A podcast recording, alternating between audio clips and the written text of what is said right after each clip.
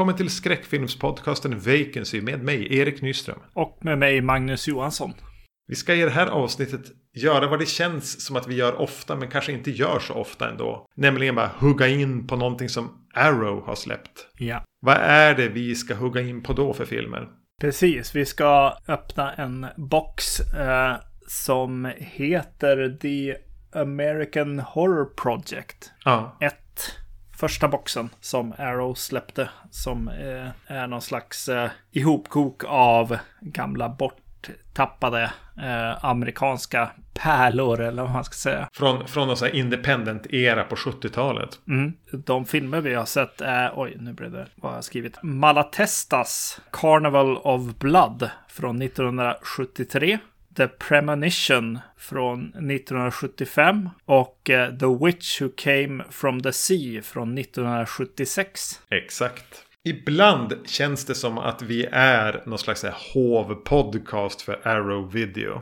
Eh, och lite måste jag väl säga, känna att det är någon slags bekvämlighet hos mig. Att det är de jag håller mest koll på för att, att de är lätta att köpa hem. Ja. För att de har sin, sin brittiska release. Alltså de är, även möjlighet att skicka från England. Just PGA-tull och sånt. Men om jag tittar på vad typ Shout Factory eller Synapse släpper. Så i ärlighetens namn så är jag ju oftast mer intresserad av de titlarna. Men det blir en puckel för mig att beställa därifrån. För jag vet att de kommer vara otroligt dyra. Det kommer vara från typ Diabolik eller något sånt där ställe som jag inte riktigt har utvecklat någon slags tillit till. Och att de kommer att fastna i tullen. Och jag ska betala ytterligare så här 180 kronor för typ graveyard shift eller vad fan det nu är. Ja. Är det någonting jag skulle vilja ha ut av att guppa runt i världskapitalismens frihandelsavtal så är det väl att jag ska kunna köpa hem Graveyard Shift för typ 150 spänn. Är det inte så? Ska jag inte få ut någonting av det här? Precis, precis. Jo, det borde man ju verkligen få göra. Så, så istället så håller jag mig då till så här, Arrow Videos eh, American Horror Project. Inget ont i det, men det känns som att jag går miste om så mycket bara för att jag är lite rädd och inte har hur mycket pengar som helst. Ja, alltså nu har jag inte faktiskt den kvar, men eh, Amazon Prime har ju en streamingtjänst här i Sverige och den brukar ju ha en del av, om det är Scream Factory eller vad de heter, några releaser där som man kan, kan se. Så att det är väl en, den som jag- skulle titta på om man ska titta på eh, gammal skräckfilm. Har du sagt upp Amazon Prime? eh, ja, det har vi gjort. Hade du inte råd längre? Nej, men problemet är ju att jag köper dem ju också. Ja, ja. på Blu-ray. Så att det blir som bara en dubbeltaxa där. Så att, eh, Jag vet, det var mycket lättare för 15 år sedan. När, jag, när det var DVD som gällde och det inte var en massa jävla embarg, handelsembargon på, på en massa saker. Att jag kunde utan problem köpa då en, ett, ett eh, region 1-släpp från någon butik. Eh, ja, det kanske kostade mig 160 kronor inklusive frakt. Men då var det det. Då visste jag att jag fick hem den. Den fastnade ingenstans. Den låg där på hallmattan till slut. Mm.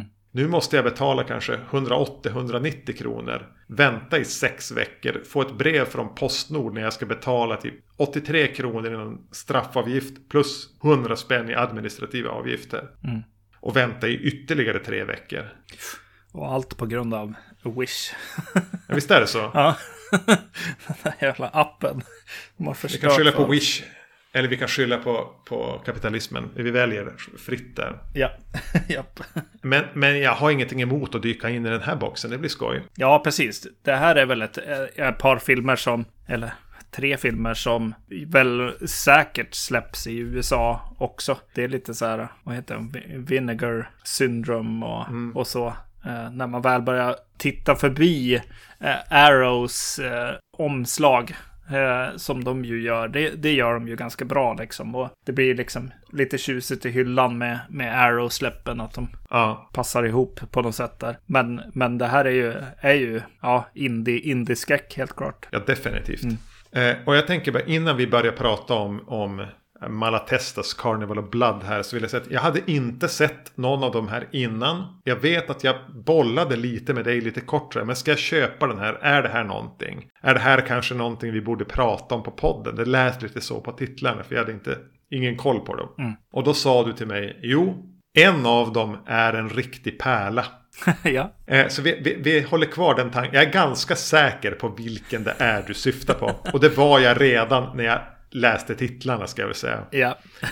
Men, men vi får väl se om jag har rätt med vilken du anser vara en liten pärla. Mm. Eller ansåg. Nu har du ju sett om de här. Du kanske har omvärderat eh, all, allihop. Ja. Men vi, vi eh, börjar då med Malatestas Carnival of Blood. Vad hade du för år på den? 73. Regi Christopher Spieth heter han. En man som dog för några år sedan. Eh, Det, det jag bara kunde tit- upp, notera när jag kikade igenom hans resumé på IMDB var att han eh, på senare år verkar ha jobbat med att fota några av sin dotters dokumentärfilmer, vilket kändes lite fint. Mm. Eh, Men han har inte jobbat så hemskt mycket i branschen. Han regisserar den här. Han var även inblandad i någonting mer. Ja. Den troddes för övrigt vara förlorad länge. Mm. Eh, Att, att den gjorde sin drive-in turné där då strax efter 73. Och sen såg ingen till den. Eh, Och alla negativ troddes vara förstörda tills, jag tror det var Christopher Spieth eller någon som hittade ett gäng. Så den är tidigt, sent 90-tal eller tidigt 2000-tal. Som gavs ut på DVD och sen plockade Arrow upp den då några år senare. Mm. Det här är en film som handlar om en ja, Carnival of Blood. Där ligger väl eh, det mesta sanningen kring filmen.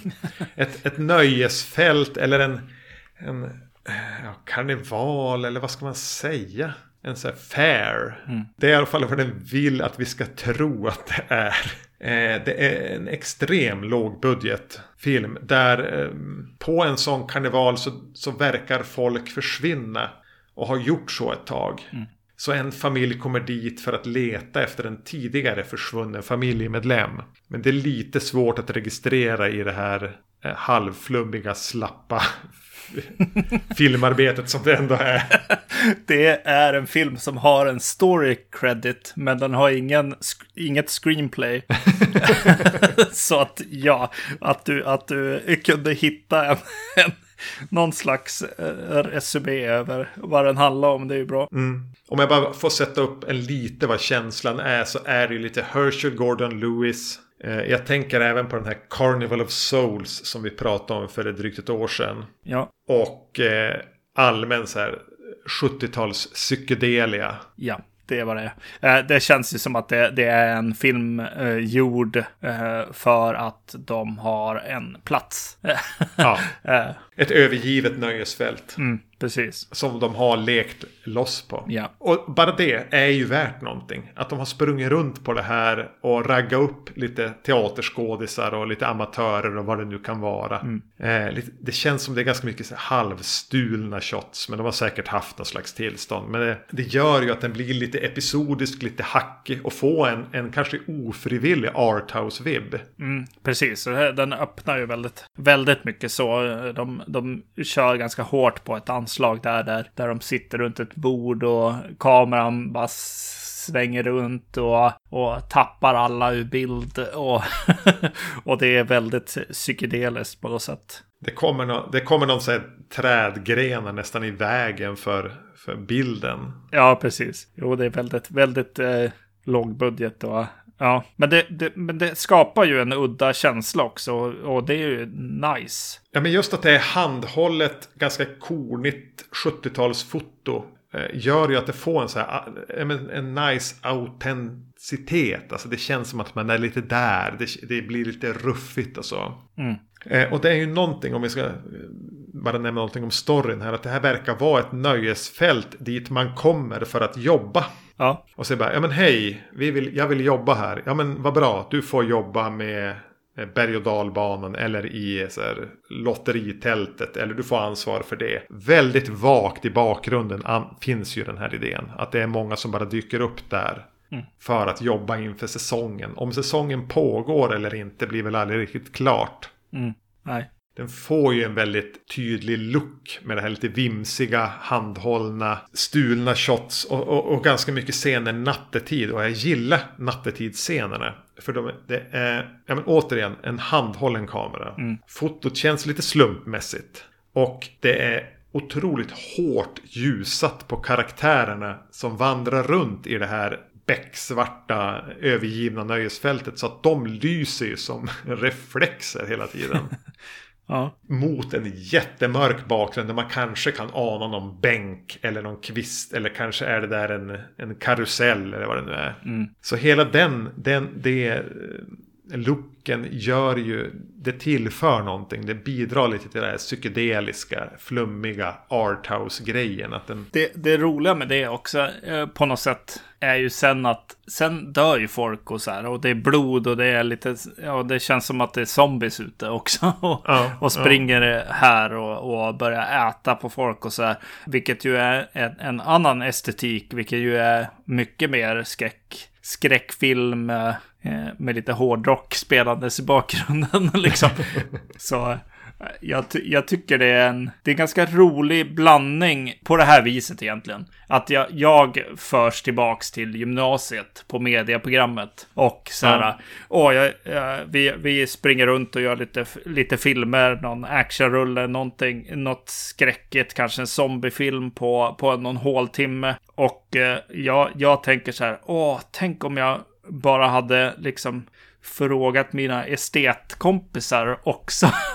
Om, de, om de ville jag vara med och göra någon film någon gång. Och, och jag, jag fick springa runt och bara lägga en kamera på, på marken och, och ha eh, någon, någon iklädd någon klänning bara gå, gå förbi i, framför kameran och sådär.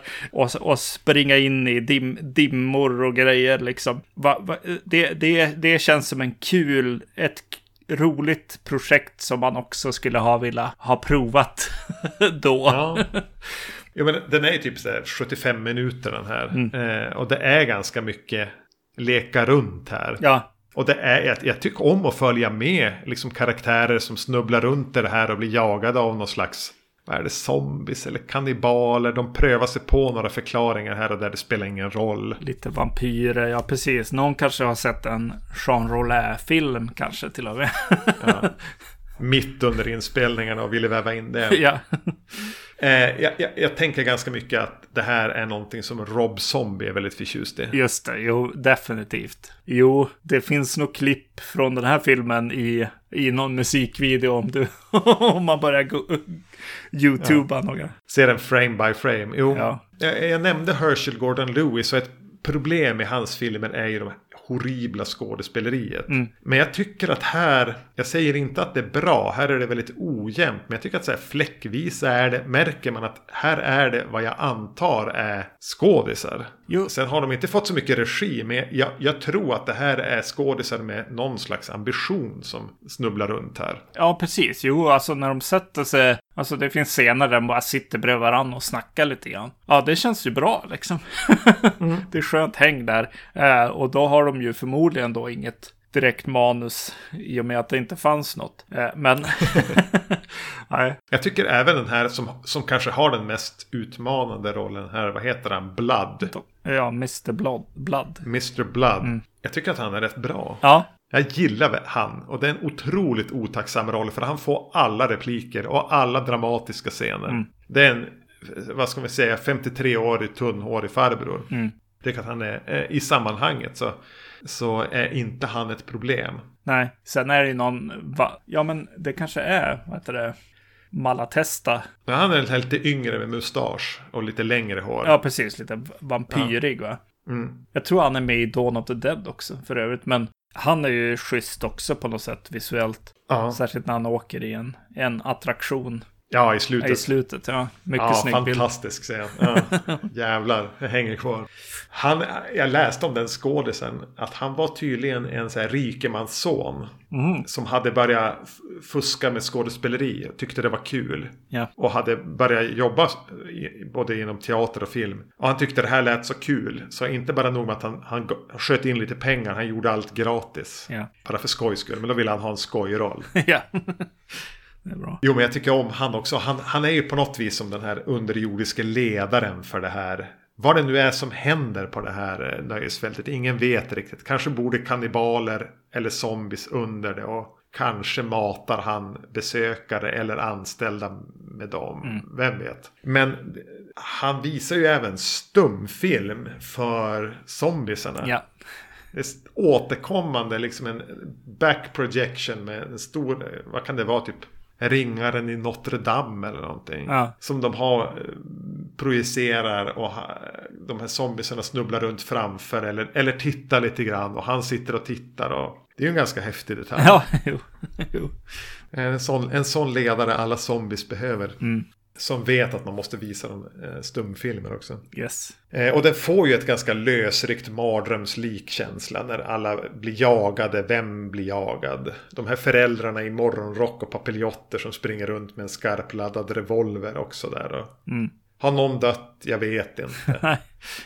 Eh, men, men, men jag tror att speltiden räddar den i att bli den här lite Rob Zombie musikvideon på, på eh, Benzo. Ja, jag måste säga att, ja precis, jo, Rob Zombie-video. Jo, men alltså, den är lång. Också. alltså, och, Ja, utifrån story och allting, ja den är lång. Ja. Du ska nog vara på rätt humör. Jag tror att jag var i så här hyfsat humör när jag såg den. jag, jag, hade, jag hade som vanligt förskjutit liksom, tiden jag hade för att se, eh, se filmerna. Eh, så jag behövde se två i rad. Eh, och började med den här. Ja. Och eh, ja, jag ni- nickade nog till några gånger liksom. Det var... Det var Ja, det gör, det gör ingenting. Nej. Men jag var lite nervös inför nästa då. Om jag skulle, skulle ta, mig, ta mig igenom den. Men, Ja. Jag tycker även att den har ett rätt schysst score. Eh, musiken är, för att vara 73 så tänker jag att den ska känns lite avantgarde. Mm. Det är ett ganska elektroniskt, eh, mycket bara ljud egentligen. Men den har även några men, dissonanta eh, beats och sånt. Eh, det, det är inte så smakfullt lagt över filmen. Det är ju inte klippt efter musiken. Utan det är ju dit, precis som Dario Argento, bara slängt dit det. Men, men jag tycker om det. Mm. Eh, det, det. Det passar bra in. ja, Det här är, känns som ett, ett score som Arrow borde kunna ge ut på en av sin så här Red Vine eller någonting. just det, just det. Mm. Och det är helt omöjligt att sitta hemma och lyssna på. Men, eh, Yes. men ska, ska man sammanfatta den så är det ju verkligen. Det här är ju inte för alla. Nej, precis. Inte för... jag, jag, jag, jag, tog i, jag tog i extra mycket i slutet. I, I min sista kommentar var så här. Det känns som någonting som är väldigt, väldigt roligt att göra. Filma, klippa, lägga ljud och allting. Och springa runt och, och försöka eh, få ens kompisar och teaterfolk att göra en film på något sätt. Men jag skrev, men den är inte för andras ögon. Men eh, ja, det var kanske lite elakt. Nu när vi pratar om Lite den el- finns det några bilder som man vill, vill se helt klart och ha kvar. Och, och lite det här flummet och så. Men jag tänker att den här gör sig nog bäst som filmen du dunkar upp på en projektorduk. När du ska ha ditt flummiga halloween-fest. Precis, just I, det. I någon skum källarlokal så funkar den här utmärkt att bara köra på repeat. Ja, precis. För vem vet när den börjar eller slutar. eller... Och som en, en, en lite så här uppampad Herschel Golden Lewis-film. Så ja, men jag, jag, jag, hade, jag tyckte det var schysst att haka på den här. Men det är nog inte så, kanske så många som skulle tycka det. jag vet inte. yes. Ska vi hoppa till eh, nästa film som jag såg, såg eh, direkt efter då? The, The Premonition från 1975. Med på tal om Rob Zombie med Richard Lynch. Som väl Rob Zombie var en, var en av de här skådisarna som Rob Zombie eh, drog, drog upp igen. Ja, han var med i Halloween-remaken vet jag. ja, precis. Jo, och eh, vad, vad, vad heter den då?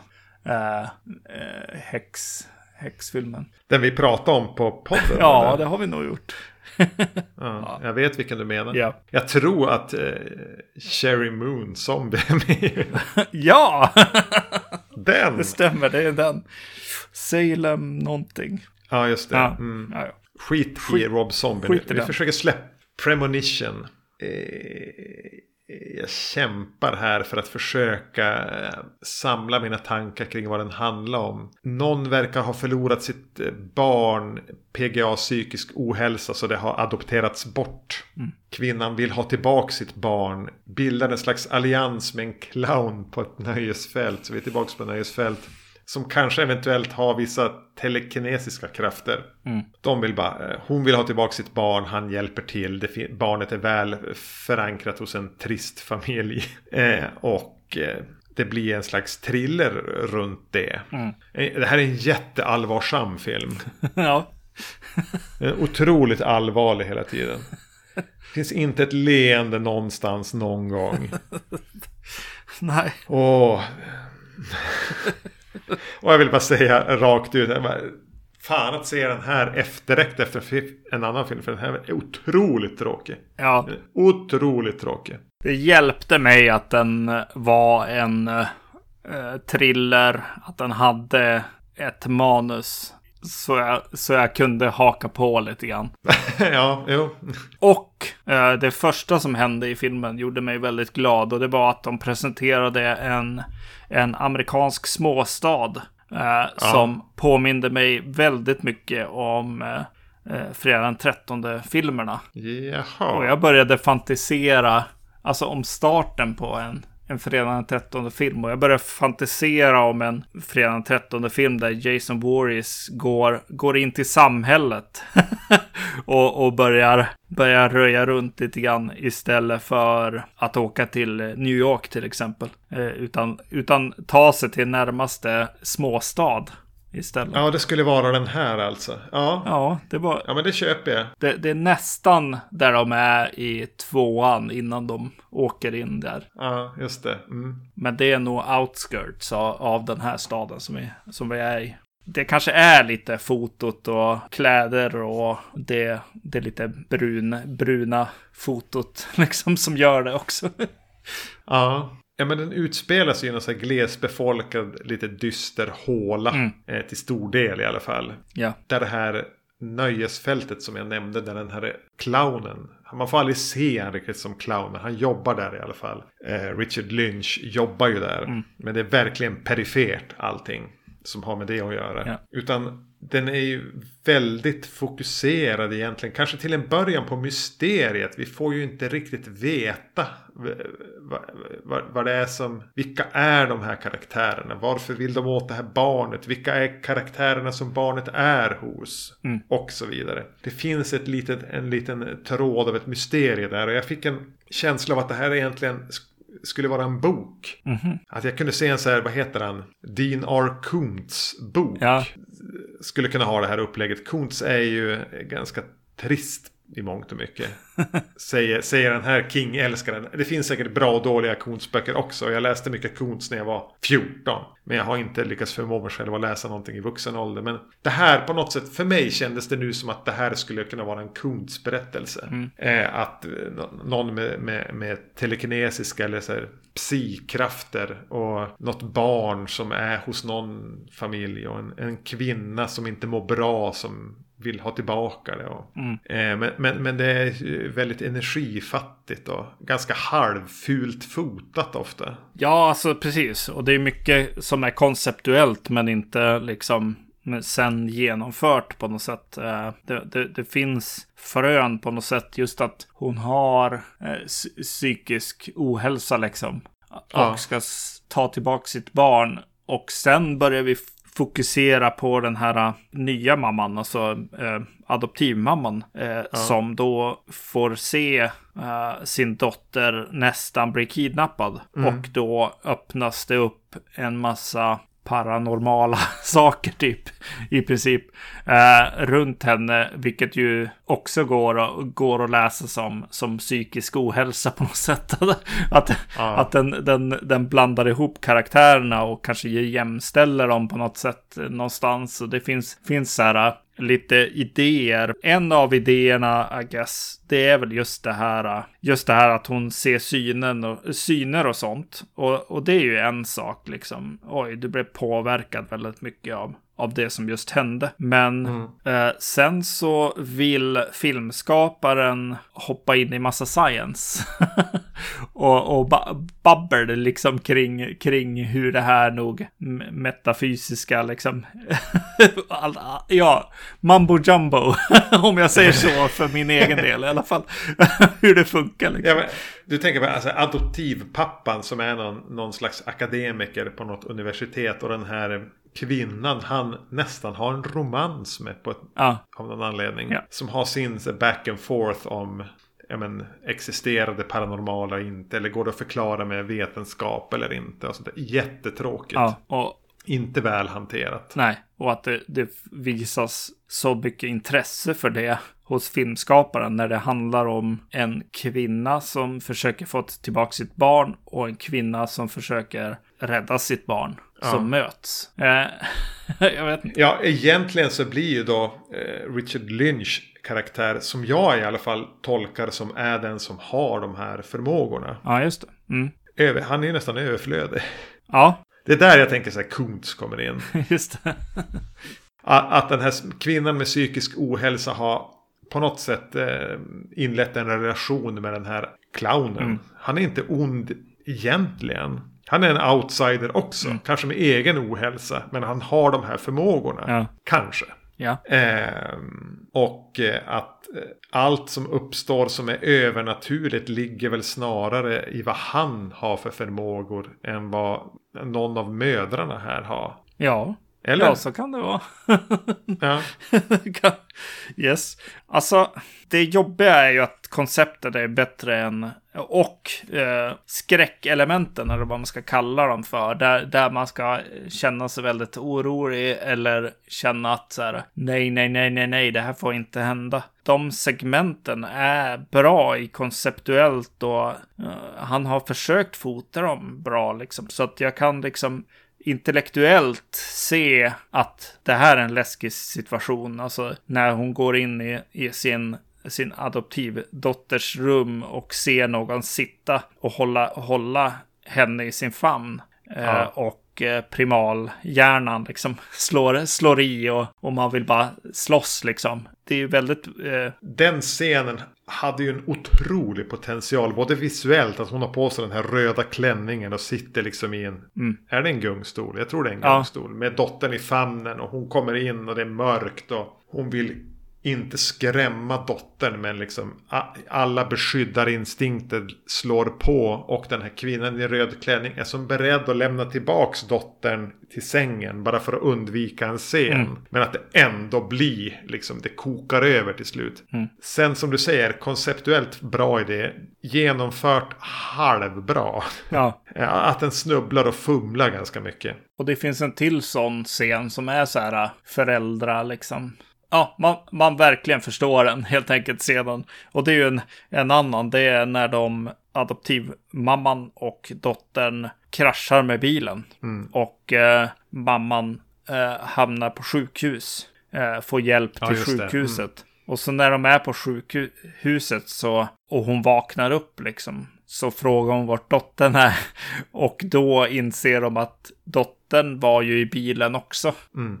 Att det är ett så här relaterbart misstag av utryckningspersonal. Att de tänkte inte på att det fattades någon i bilen. Exakt. Det, det är en bra idé. Ja, ja riktigt eh, läskig idé. Ja. Men jag vet inte, den säljs inte fullt ut av Nej, det, filmskapare. och he, he, hela tiden är ju känslan boken är bättre. Mm, mm, mm. Men jag tror inte det finns en bok här. Nej, nej. Eh, Jag tycker att hur olyckan genomförs här är ju att rutan börjar bara frosta igen. Ja. På så här hård frost på bilrutan. Och det där kommer på en spe, har kommit på en spegel tidigare. Mm.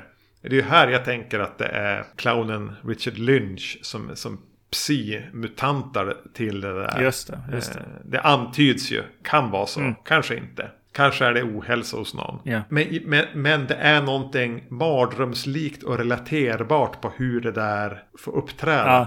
Att, att den är där och den är så massiv så det hjälper. Hon försöker som få undan den. Men hon kan av någon anledning som blir lite det här mardrömslika. Så stannar hon inte bara bilen utan hon försöker liksom fortsätta köra. Trots att hon knappt ser någonting genom de här hårt hårdfrostade vindrutan. Mm. Det kunde jag tycka om. Ja, verkligen. Jo, den är bra. Men du, eh, fråg, fråga. Mm. Dog sköldpaddan? Ja, ja, den dog. Dog den under gungstols, en gungstolsmed? Eh, ja, jag tänkte att det var det de försökte visa. Men sen så fick Ja. man också känsla av att i stridens hetta så har typ eh, adoptivmamman trampa, trampa sönder den också. Ja, ja det, var, det var väldigt underspelat. Ja. Kanske på ett bra sätt. Ja, jo.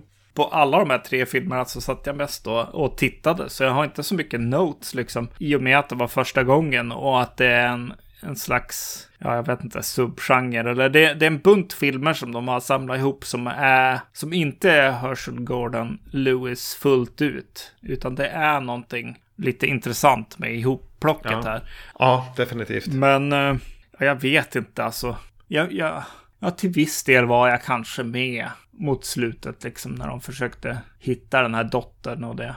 Och, Ja. och eh, hon försvann en gång till egentligen. Från vart jag visste att, att dottern var. Ja, hon dyker upp där när mamman står och spelar Ja, precis. piano. Precis, exakt.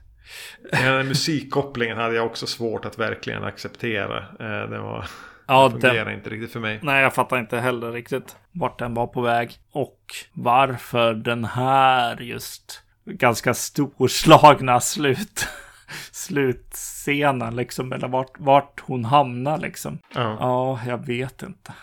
Nej, nej det var lite underligt.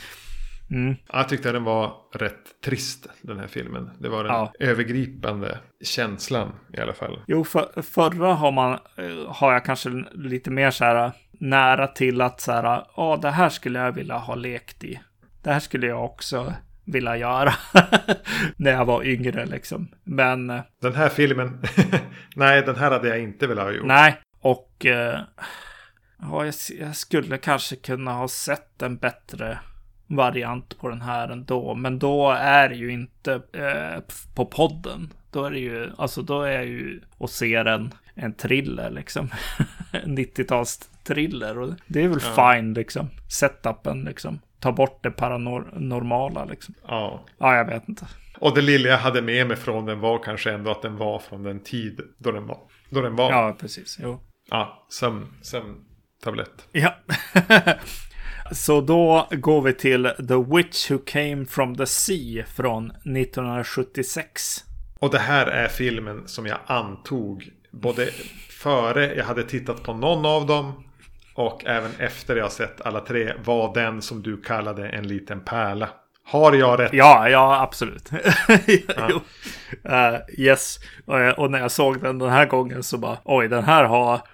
Den, här är inte konstig att den hamnar på, på brittiska så här video nasties eh, lista för att den, den har element som är som går, går visuellt över gränsen kan jag tycka. Men, men, Ja. men eh, det kanske den kan ha som, som den indie-film den är på något sätt. Den var ju tydligen, fick en X-rating först. Och de var tvungna att trimma och klippa för att komma ner på R.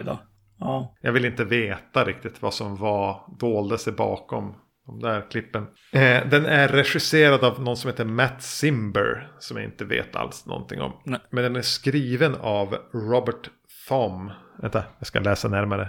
Ja, jag tror jag skriver Robert Thom. Han har i alla fall även skrivit bland annat Death Race-filmen. Mm. Från 70-talet. Kretsar kring en kvinna som eh, bor i en kustnära stad. Jobbar på en eh, sjaskig krog. Har en nära rel- relation till sina syskonbarn.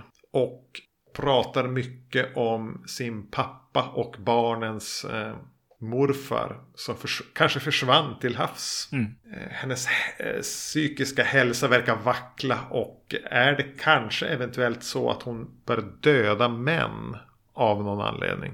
Mm. Vem har fotat den här? Ja, här om sisten så pratar vi om hur, hur viktig Goblins musik är för en Dario Argento-film. Ja. Och eh, den här mannens foto är väl motsvarigheten till John, eh, John Carpenter. Och det är ju Dean Cundy som har fotat här. Ja, fan alltså. Jag såg det i förtexten och, och redan innan det så hade jag tänkt bara, åh jävlar vad trevligt att titta på den här förtexten. Ja. Öppningssekvensen. Yes. Den är ju, den är ju, den är ju apsnygg. Ja, he- hela det här eh, Halloweens eh, Halloweens bredformat är ju re- redan här eh, liksom med. Eh, och det är snyggt och genomtänkt eh, använt också. Fånga, få- fångar på något vis de här oändliga sandstränderna med vågorna som slår in hela tiden och, och fåglar som skriker. Och, Ja, precis. Det är, en mos- det är mostern här eh, som ju är hon som det handlar om. Mm. Helt enkelt. Som är med sina eh, systersöner. Visst? Jo. Ja. På stranden. Eh, och sitter och har en liten picknick. Eller vad man ska säga. Strandhäng. Och Ja. eh, hon börjar titta bort mot så här, strandgymmarna.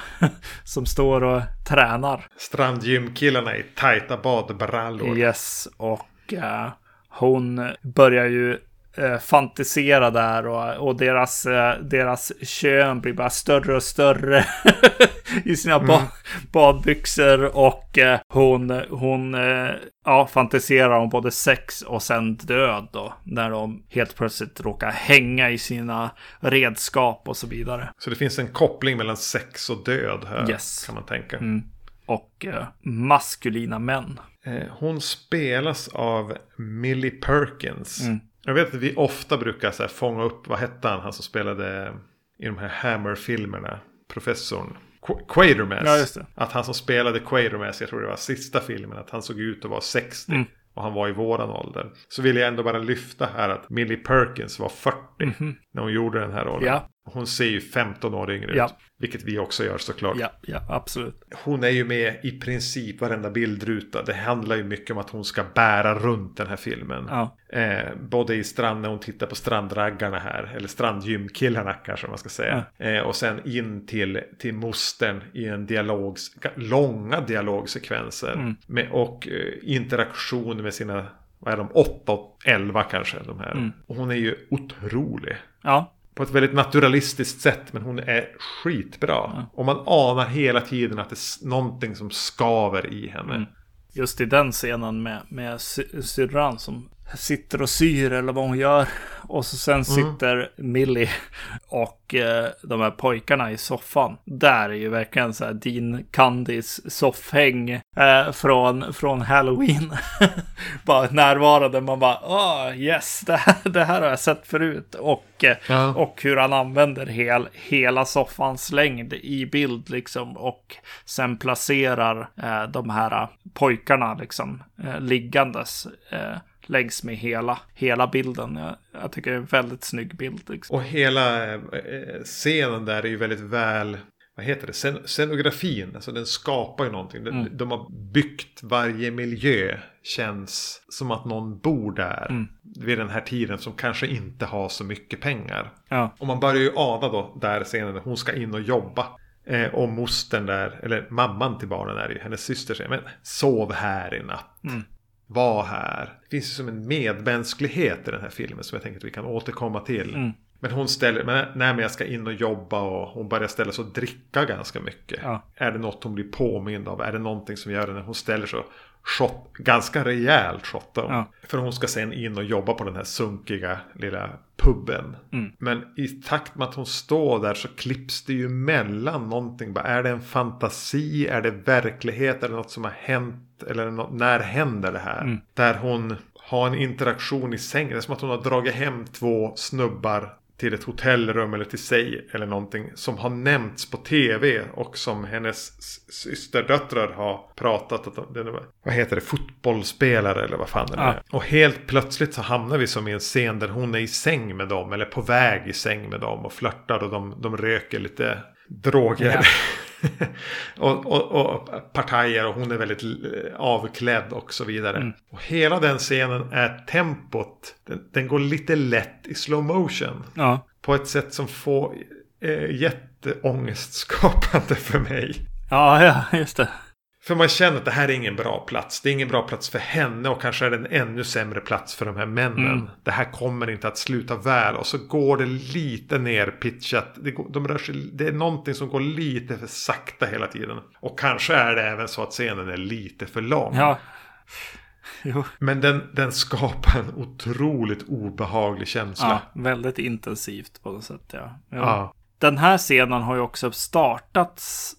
Ja, hela den här starten ända till den här scenen är väldigt bra och, och eh, man får veta så mycket om, om henne och, och hennes syster och pappan liksom. Syrran börjar, hon, eh, Millie, jag vet inte vad karaktären heter, men Hon heter Molly tror jag. Molly. Hon ser ju, ser ju upp till pappan som en gud. Alltså han kunde inte göra någonting fel och sen så försvann han till, till havs och det, det går inte att röra honom på något sätt. Medan syrran verkar mer så här, är hon kanske mer sanningsenlig eller så? För hon har, Ja. hon har lite, lite ont i ryggen eller någonstans eh, efter att eh, pappa sparkade dem, sa hon. Mm. Och, och då får man absolut inte prata om det. eh, för, för Molly här då. Och sen så går hon ju och dricker där och den här scenen kommer. Så pappa gör sig påminn på något sätt här också i, i, i scenerna. Alltså att det är fadersfigurer på något sätt eh, som finns här. Ja, Han har ett stort vakuum där han inte är. Är som där hela tiden. Mm. Jo, just den här manligheten och eh, som de har. De är ju också muskulösa liksom, män. Och att de har Jo, men att de är lite större. Det är väl det som är kanske tv-connectionen på något sätt också. Att de är lite större än verkligheten på något sätt. Mm. Det är en film som väver in sina poänger. Både tydligt och bra samtidigt liksom. Mm. Eh, för efter den här scenen med de här atleterna. eh, Så får vi ju som presenteras för hennes vardag. Som är att eh, servera öl och drinkar på den här sjaskiga puben med sina med kompisar. Eller som är hennes, hennes närmsta. Eh, pubägaren, en äldre man. Long John. Ja. Och en, även en äldre annan servitris. Och så pratar de mycket om någon Daphne som alltid är sjukskriven. Hon är aldrig där och hon går på tabletter och liknande. Mm. Och eh, de- de här, de, den här trion återkommer ju som att få vara i centrum på något vis. Hon har ju en, har ju en sexuell relation till den här Long John. Mm. Eh, som ju inte känns helt hundra. Nej. Men samtidigt så finns det en genuin värme hos han. Att han, han bryr sig om henne och han bryr sig samtidigt inte om vad hon gör. Mm. Det finns någonting där som känns så genuint. Ja. Om vi då sa att Molly här spelas av någon som heter Millie Perkins. Så vill jag även droppa Lonnie Chapman som spelar Long John. Mm.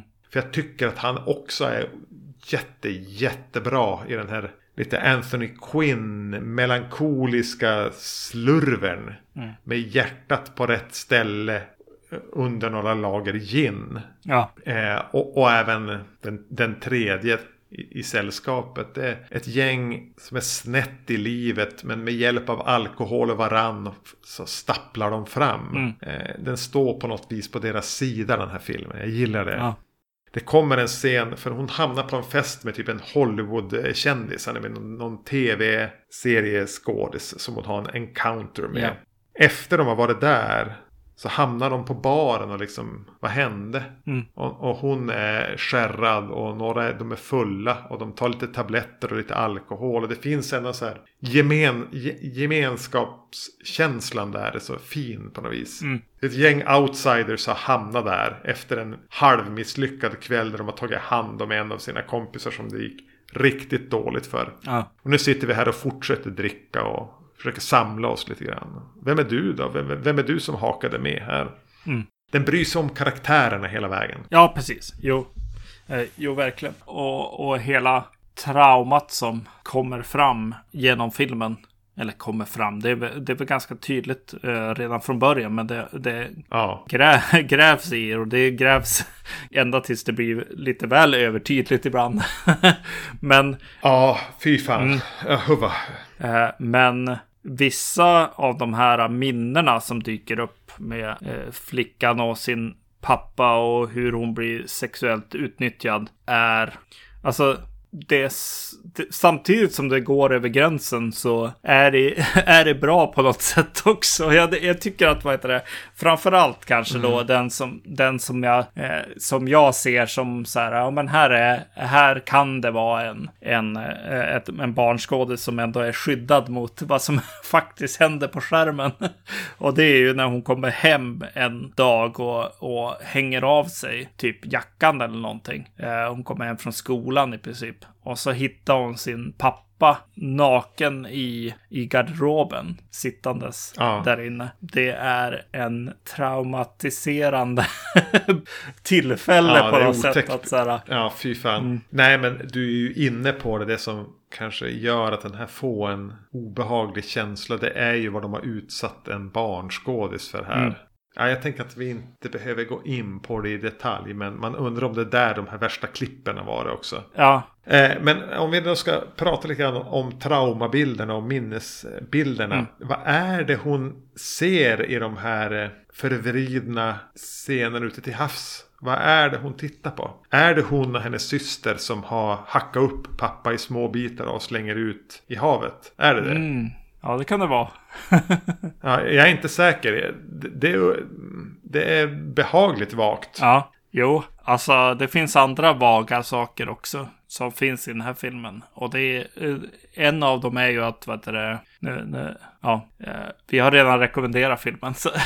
ja, ja, men absolut, se den, gud förbannat ja, se den. Mm. Jo, eh, det är ju att jag börjar ju helt plötsligt tänka att hon i flashbacksarna är ju mycket mer lik hennes syrra än, än hon mm. själv. Mm. Och eh, till slut börjar jag fundera för att syrran hamnar också vid det där barskåpet helt plötsligt och, och dricker shots liksom. Och till slut så bara börjar jag kanske blanda ihop de två. Ja, vems är barnen och vem är pappan? Och finns Molly. Äh, till och med. Ah. Blev min ja, du menar så. Funder, fundering mot slutet. Den, den, den är ganska lösryckt. Alltså det, man, man måste stretcha sig ganska långt för att få henne att vara, vara syrrans liksom eh, alter ego på något sätt. Men det kan också vara så. mm. Men det är ganska långt ifrån. Mm. Um, jag tänkte in, jag var inte där. Nej. För det, det, det, blir ju någon slags stackars poliser som, som stapplar runt här lite slött och, och nystar i, i, i, de här dödsfallen som ändå inträffar. Mm. Eh, och, och, och, spåren leder dem ju slutligen i, mot stackars Molly här. Mm. Jag, jag, jag stannar där också och, och Eh, vill påpeka att vi kommer närmare och närmare John Carpenter genom filmen här. För här har vi ju George Buck Flowers som en av poliserna här. Och han brukar, brukar dyka upp i John Carpenter-filmer. Gärna, gärna med flaskan i hand. Jaså? Ja, jo, jo. Eh, John Carpenter brukar, brukar ha honom lite mer som uteliggare och annat liksom. Medan här är han polis så det är lite svårare att pinpointa. Ja, nej, det var inget jag kände nej. igen.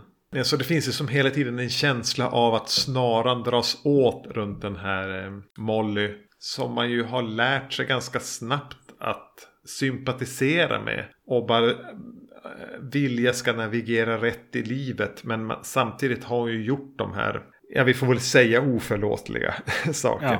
Ja. Om det nu är hon som gör dem. Vad är det som händer? Kan hon kontrollera det? Mm. Ja, eh, jag vill ändå innan vi avslutar komma till, komma till slutet på filmen. Ja. Eh, för man skulle som kunna nischa det här som en typ rape revenge, som en slasherfilm med fokus på karaktärerna och allting. Ja. Men som jag redan har sagt så, så, är det ett ganska starkt fokus på det här medmänskliga, det mellanmänskliga, på karaktärerna, på hur de förhåller sig till varandra och att de faktiskt tycker om varandra på ett sätt som känns, ja men de har hittat varandra i en, i en hopplös situation. Mm. Och i slutet på filmen, nu är vi ju inne på superspoilers här då, om man inte har sett den. Ja.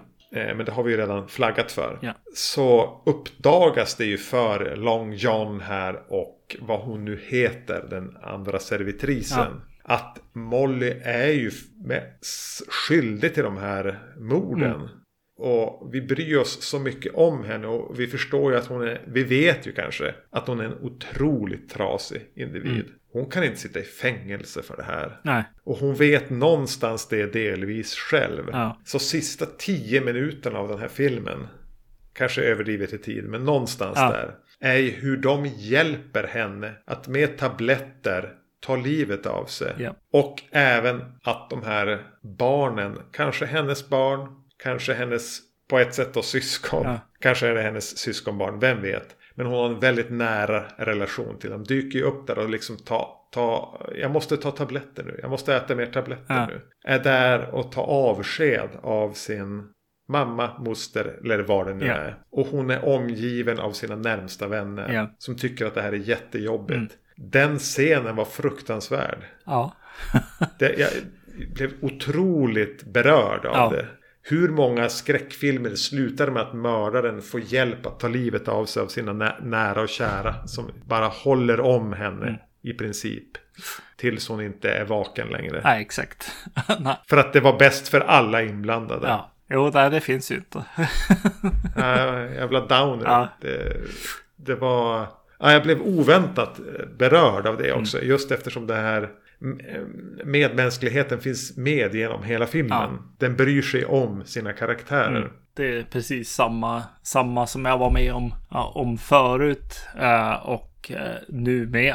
Alltså det är ju det är en väldigt, väldigt stark eh, scen. Det är väldigt bra att vi, ja men som du säger, att de bryr sig om karaktärerna. Jag menar, eh, jag vet inte om jag måste hoppa dit. Jo, men jag, jag hoppar dit också att så här, för att jag, jag är så här true crime poddlyssnare. Ofta när de går igenom mördares liksom, bakgrund och barn, barndom och så vidare. Liksom. Ja, det är ju hemskt ofta. Det är det ju. Och man, man, man får tycka synd om, om det barnet. Liksom. Mm, mm. Men sen vad den gör med sitt, sitt liv sen får man ju liksom säger hela de här. Ja, men där, där blir det fan gråzon ibland. Alltså. Man bara, nej det där är inte okej. Och, och folk, folk går igenom de här sakerna och de blir inte monster och mördar folk liksom. Mm. Och här har vi en film som inte säger vad, vad poddarna brukar säga. Att så här, ja, tyck synd om barnet, tyck illa om monstret det blev liksom på något sätt. Ja, Utan den här filmen säger fan vad jobbigt att det gick så här. Mm. Eh, men det lilla, det lilla hon hade var den här lilla vänskapen i alla ja, fall. exakt. Jo. Hon behövde inte vara ensam i slutet. Nej, nej, I alla nej, fall. precis. Alltså just den- den här med, medkänslan från de som kände henne för det hennes bra sidor var i alla fall på något sätt det som blir den här lilla, lilla, lilla, lilla flamman av någon slags mening eller hopp som får hänga kvar. Ja, jo. Nej, det är ju en, en liten pärla det här. Ja. Jo, men du hade... Nej, jag vet inte. Det var ingen sjö, det var inte Ursula som kom upp ur, ur havet och lurade ner män eller någonting. Det är väl det den, det den eh, anspelar på. Dess, dess eh, originalposter är, är väldigt, väldigt så. Vad, vad ska jag se för något? Monsterfilm. Eh, och så får jag Ja. se den här. Nej, jag tycker att det här är bra alltså. Och det är bra att, se om, eh, inse också. Sen kan jag tycka så här, ja du som köpte de här lösa och inte i en box, då får jag lite dåligt Mm. samvete. Men, men jag blir så här, va, den här, den här filmen är, är ändå värd att ha sett. Den här gör det ju värt egentligen att betala priset för tre filmer. Mm. På många sätt. Jo, precis. Undrar vad det är i andra boxen. Ja, Den står i hyllan. ja jag, har jag, jag fick hem den ganska nyss. Ja. yes. Vad, vad döljer sig i den? Mm. Ja, vi, vi kommer ju dit, det vet ni. Ja, alltså. Här är det genom, genomtänkt manus, bra skådespeleri och eh, eh, ja, det är ju väldigt bra foto i den här filmen också. Eh, från från Ja. en, en ung Dean Candy. Han var inte ensam tror jag som fotade den här. Men Ja, just det. Mm. jag tror var två. Men, men ändå. Det, den, är, den ser väldigt tjusig ut. Den är väldigt välspelad. Den bryr sig om karaktärerna. Ehm, det är en varm rekommendation. Yes. Mm. Är, vi, är vi i det här, vad är nästa avsnitt? Vet du det? Är vi i det läget? Ja, men ge mig ett ögonblick så ska jag bara dubbelkolla. För jag tror att vi vet. För jag vet inte just nu, men det finns ju en lista. Körschema. Jo, men nästa avsnitt är ju faktiskt då vi eh, ska försöka skapa lite julstämning. Ja, härligt. Och eh, denna jul kommer vi, inför denna jul ska vi säga, kommer vi att försöka göra det med två franska eller franskbesläktade skräckfilmer. Nämligen P2 och Inside. Mm. Om jag inte minns helt fel är de från samma år. Vilket nog är typ 2007. Mm. Så det är vårt nästa avsnitt. Kul. Jo, tack. Eller? Ja, vi, vi hörs nästa gång. Ja, vi, vi säger så. Yes. Hej. Hej.